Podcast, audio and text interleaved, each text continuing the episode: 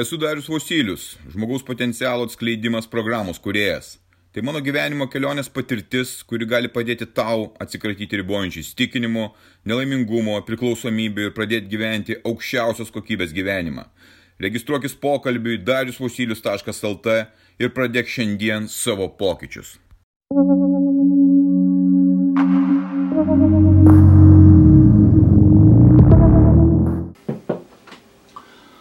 Tavo būtini pokyčiai. Prieš keletą dienų vaikščiodamas su sunum bažnyčios teritorijoje pastebėjau, kad atsirado mediniai suoliukai, ant kurių mes atsisėdom pasėdėti, suvalgyti obolio. Pasirodo, žiemą nuimami, kad nesupūdytos lentos ir jau kai atšilo orai, jie uždedami.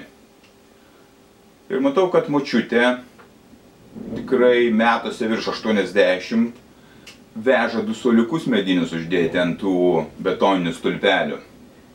Labai įdomu pasidarė, kas tai, kodėl jinai veža, kodėl būtent taip atliekama. Ir aš pakalbinau ją.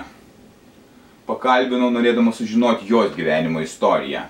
Man labai įdomu žmonių likimai, kaip jie gyvena, kaip jie nugyveno, kaip jie elgesi ir kur tai nuveda.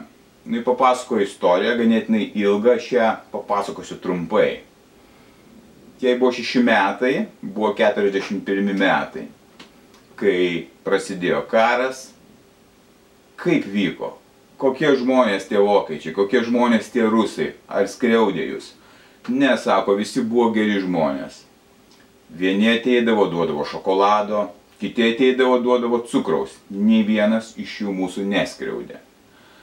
Nu, tarkim, jinai turi tokią patirtį ir kaip jūs gyvenote, koks jūsų buvo kasdieninis gyvenimas. Ganydavom gyvulius, neturėjom batų, kai būdavo šalta, kai mūsų kojytė sušaldavo, būnant kelių metų, šildydavomės karvės šūdose. Taip, jinai paprastai to žodžius vartoja tokia kasdienybė, tas kojas šildydavosi tokiu būdu, nes nebuvo kito pasirinkimo. Kuo jūs maitinotės, ką jūs darėte, kaip jūs gyvenote? Mes patys auginomės gyvulius, mes turėjom bites, mes gaminome sūrį, varškę, rūkpenį. Mes valgiam bulves, mes kepėme savo duoną. Viskas buvo mūsų užauginta ir mes gyvename iš to. Parduotuvių nebuvo tuo metu. Ir ar tikrai jūs buvot laimingi tuo metu? Kaip vaikai, taip visko buvo. Mes ir pasimuždavom, iš viso aštuoni buvo vaikai šeimoje. Ir pykčių buvo, visko buvo kaip ir visur. Čia yra tokia kasdienybė, paprastas gyvenimas be elektros, be drabužių, be batų. Tai yra su minimaliais tais drabužiais. Jie gyveno, augo. Jos likimas klostysi tokiu būdu, kad vienas paskui kitą pradėjo mirti jos broliai ir sesės. Dėl tragiškų pasiekmių, dėl alkoholio. Ir kai mirė jos vyras, vyrui buvo tuo metu 59 metai, jinai suprato, kad jos gyvenimas baigėsi. Jinai nebežinojo, kaip toliau gyventi. Jinai netikėjo į Dievą, niekada nevaikščiojo į bažnyčią. Jis gyveno tokį gyvenimą. Ir nusprendė, kad viskas ir jos gyvenimas baigėsi ir jai nėra jokios prasmės čia gyventi. Tik, pavadinčiau, stebuklo dėka, jinai kažkaip atsidūrė bažnyčioje. Bažnyčioje prašydama, prašydama Dievo atleisti jai. Čia jos žodžiai, čia jos pasakojimas. Ir Dievas ją priėmė. Jie priėmė tokią, tokią, kuri netikėjo. Jie priėmė ir priglaudė. Iki to laiko jinai gyveno tokį gyvenimą ir jinai nebegalėjo toliau jo gyventi be pokyčių. Tie pokyčiai atėjo tokiu būdu, tragišku būdu, mirus vyrui, bet jinai atrado Dievą. Jinai atrado Dievą ir tai buvo tas pokytis. Jinai pradėjo pastovi lankytis bažnyčioje, ne tik tai, kad sėdėti, melstis, jinai pradėjo padėti prie tos bažnyčios, tvarkytis aplinką. Kaip jinai dabar sako, tai yra jos turbūt pagrindiniai namai. Neliko nei vieno brolio, nei vienos sesės, neliko vienintelė čia gyventi. Ir jos veide, jos kalboje, jos akise aš matau džiaugsmą, laimę, susitaikymą ir prasmės atradimą. Jis atrado Dievą, jinai pasikeitė, jinai padarė tos pokyčius. Jis padeda, būdama 84 metų, padeda tvarkytis prie bažnyčios visus įmanomus darbus, kokius jinai gali atlikti. Jinai klausosi kiekvieną dieną maldų, jinai meldžiasi ne tik už save, bet ir už kitus. Už kitus, kurie galbūt galėtų būti mums priešai, bet jinai meldžiasi ir už juos. Kad ateitų ir taika į šį pasaulį. Jos pokyčiai buvo didžiuliai. Jis atrado vietoj liūdėsio, nusivylimų ir beprasmybės prasme. Jis atrado Dievą. Mes visi norim pokyčių ir mes visi norim, kad atsitiktų vienas ar kitas įvykis mūsų gyvenime, kuris pagerintų mūsų gyvenimą. Ir tu nori, ir kiekvieną dieną nori. Bet problema yra tame, kad tu elgiesi lygiai taip pat ir nori geresnio rezultato. Tai yra neįmanoma. Aš lygiai taip pat elgdavausi. Vis tikėdavausi, kad pasikeis kažkokie tai įvykiai, kurie vyksta aplink mus, išorėje, pagerės ekonominė situacija, žmonės geresni taps, nevyks karai, nebus tiek pykčio, nusikalteliai kažkur tai dings. Ir aš viską nukeldavau kažkur kitkam, situacijoms kitoms, bet aš pats nieko nedarydavau. Aš gyvendavau tame lygmenyje, kuriame buvau, kuriame nenorėjau būti ir nieko nedarydavau. Pokyčiai galimi tik tai tada, kai tu eini ir pradedi daryti pozityvius veiksmus, kai tu pradedi keistis. Kaip atrodo tie pokyčiai, kaip aš juos darau ir kaip jie pas mane atėjo. Supratau labai paprastą dalyką paprastą mechanizmą. Mes visi turime tą sistemą. Visi. Aš, tu, mes visi turime viduje suvokimą, ką mes turim keisti. Tai geriausia daryti ryte. Ir aš tai darau ryte, nes aplinkui yra labai daug triukšmo. Kad pajausti, kokios problemos mus kamuoja, kokiu keliu eiti, kokius pokyčius atlikti, mes turim būti nurimę, nusimetę daug įvairių ideologijų, požiūrių, įsitikinimų, tiesų, išmoktų kažkokių reakcijų. Mes turime nurimti ir mes išgirstame ir aš išgirstu. Dariau, ką tu darai? Tu matai, kad tu turi nusivylimą kiekvieną kartą, kai tu nesilaikai tam tikrų savo užduočių, jeigu nesugebi teisingai maitintis, jeigu nesugebi sportuoti, jeigu nesugebi atlikti veiksmų ir darbų, kurie reikalingi, man tai duodamas signalas, dariau, nedaryk to, tu pats matai, kad kenki savo. Tai yra, kad mes, tai mūsų sąmonė, Ir ta informacija ateina iš viršaus, ne iš kažkur tai, iš viršaus ateina ta mūsų informacija, kad mes privalom keistis, jeigu norim gyventi savo tikrą gyvenimą.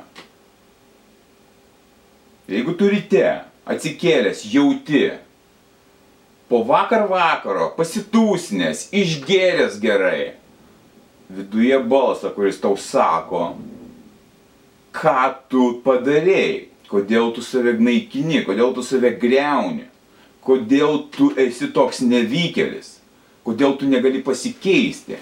Pažiūrėk į save, tu naikini kūną, kuris tau duotas.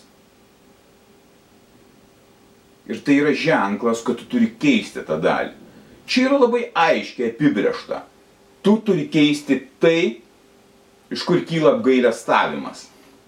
Jeigu turite atsikėlęs po vakar pavalgymo skanaus, jautiesi blogai. Ir atsistoji prieš veidrodį ir matai, koks tu aptukęs, koks tu beformis.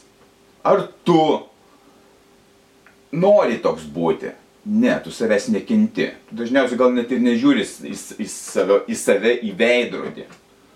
Čia yra ženklas, kad turi keisti savo gyvenimo būdą, savo įpročius, savo mytybą. Negi tu kiekvieną rytą atsikėlęs nori būti storesnis. Wow, aš dar storesnis kilogramų. Wow, aš dar labiau aptukęs. Niekas to nenori. Jeigu turite atsikeli ir jautiesi nelaimingas, piktas, agresyvus, viduje tau duoda ženklą, kad yra negerai, kad yra negerai su tavo psichinė būsena. Tu turi keisti tą būseną. Kodėl jinai tokia atsirado? Jei tavo santykiai yra visiškai prasti ir turite atsikėlęs, supranti, kad tu ne ten ir ne su tuo, bandai ieškoti sprendimų. Tau duoda informaciją iš vidaus, kad kažkas yra negerai. Tu tai supranti, tu turi eiti, kalbėti, daryti finansai, tuščia piniginė, atsidarai tuščia, sąskaitoji tuščia, kame reikalas. Ir tu viduje gauni atsakymą, kad tu nedarai nieko, kad pakeistum savo likimą finansų srityje. Viskas. Kiekvienas apgailestavimas, kuris ateina pas tave, tai yra ženklas, kad tu turi tą vietą ir keisti. Pasaulis keičiasi, jisai žiaurus, įvykiai vyksta ir visada jie tokie vyks. Tu nepakeisi išorės. Tu viduje gali pakeisti savo mąstymą, savo mąstymą, elgseną, reakciją, savo įpročius. Ir tu taip gali pasikeisti. Aš garantuotas, kad tu esi mažiau negu galėtum būti. Lygiai taip pat ir aš. Aš matau, kur aš esu mažiau ir aš esu gerokai mažiau. Kad tai padaryčiau, aš turiu keistis. Tie pokyčiai yra skausmingi, jie reikalauja pasiaukojimo, sunkaus darbo su savimi, susidarimo su savimi, su savo problemomis, su savo demonais ir pradedi juos spręsti. Bet tai yra N kartų geriau negu gyventi tame pragare nusiminimo, nusivylimų, baimės nepasitikėjimo pragare, kurį tu pats susikuri. Toje kančioje, kur tu nori savo kančią užgesinti alkoholiu, apsėdimo, apsipirkimais, o gal uspakajonsais. Visi griebėsi vaistų ir geria visus, kuriuos matau žmonės, jauni žmonės, 17 metų vartoja antidepresantus, dviejų rušių, nes jie nesupranta šito pasaulio, nes jie neteisingai gyvena jie negyvena pagal savo moralinį kompasą. Tai yra esminė dalis mūsų gyvenimo gyventi pagal moralinį kompasą. Nemeluoti, nevokti, nepavydėti, nežudyti, negeisti kito. Tu turi gyventi ir turėti tą moralinį kompasą, tada tu būsi sveikas tada tu būsi reikalinga šitam pasauliu. Kitaip tu ėsi tos vaistus. Nesvarbu, kokioj tu finansiniai būklė esi, tu ėsi tos vaistus, jeigu gyvensi tokį gyvenimą. Dėl to tie pokyčiai ir reikalingi. Tu juos atrasi. Tau nereikia mokėti paskolų už tai, kad tai atrasti. Tau nereikia investuotojų, kad tai atrasti.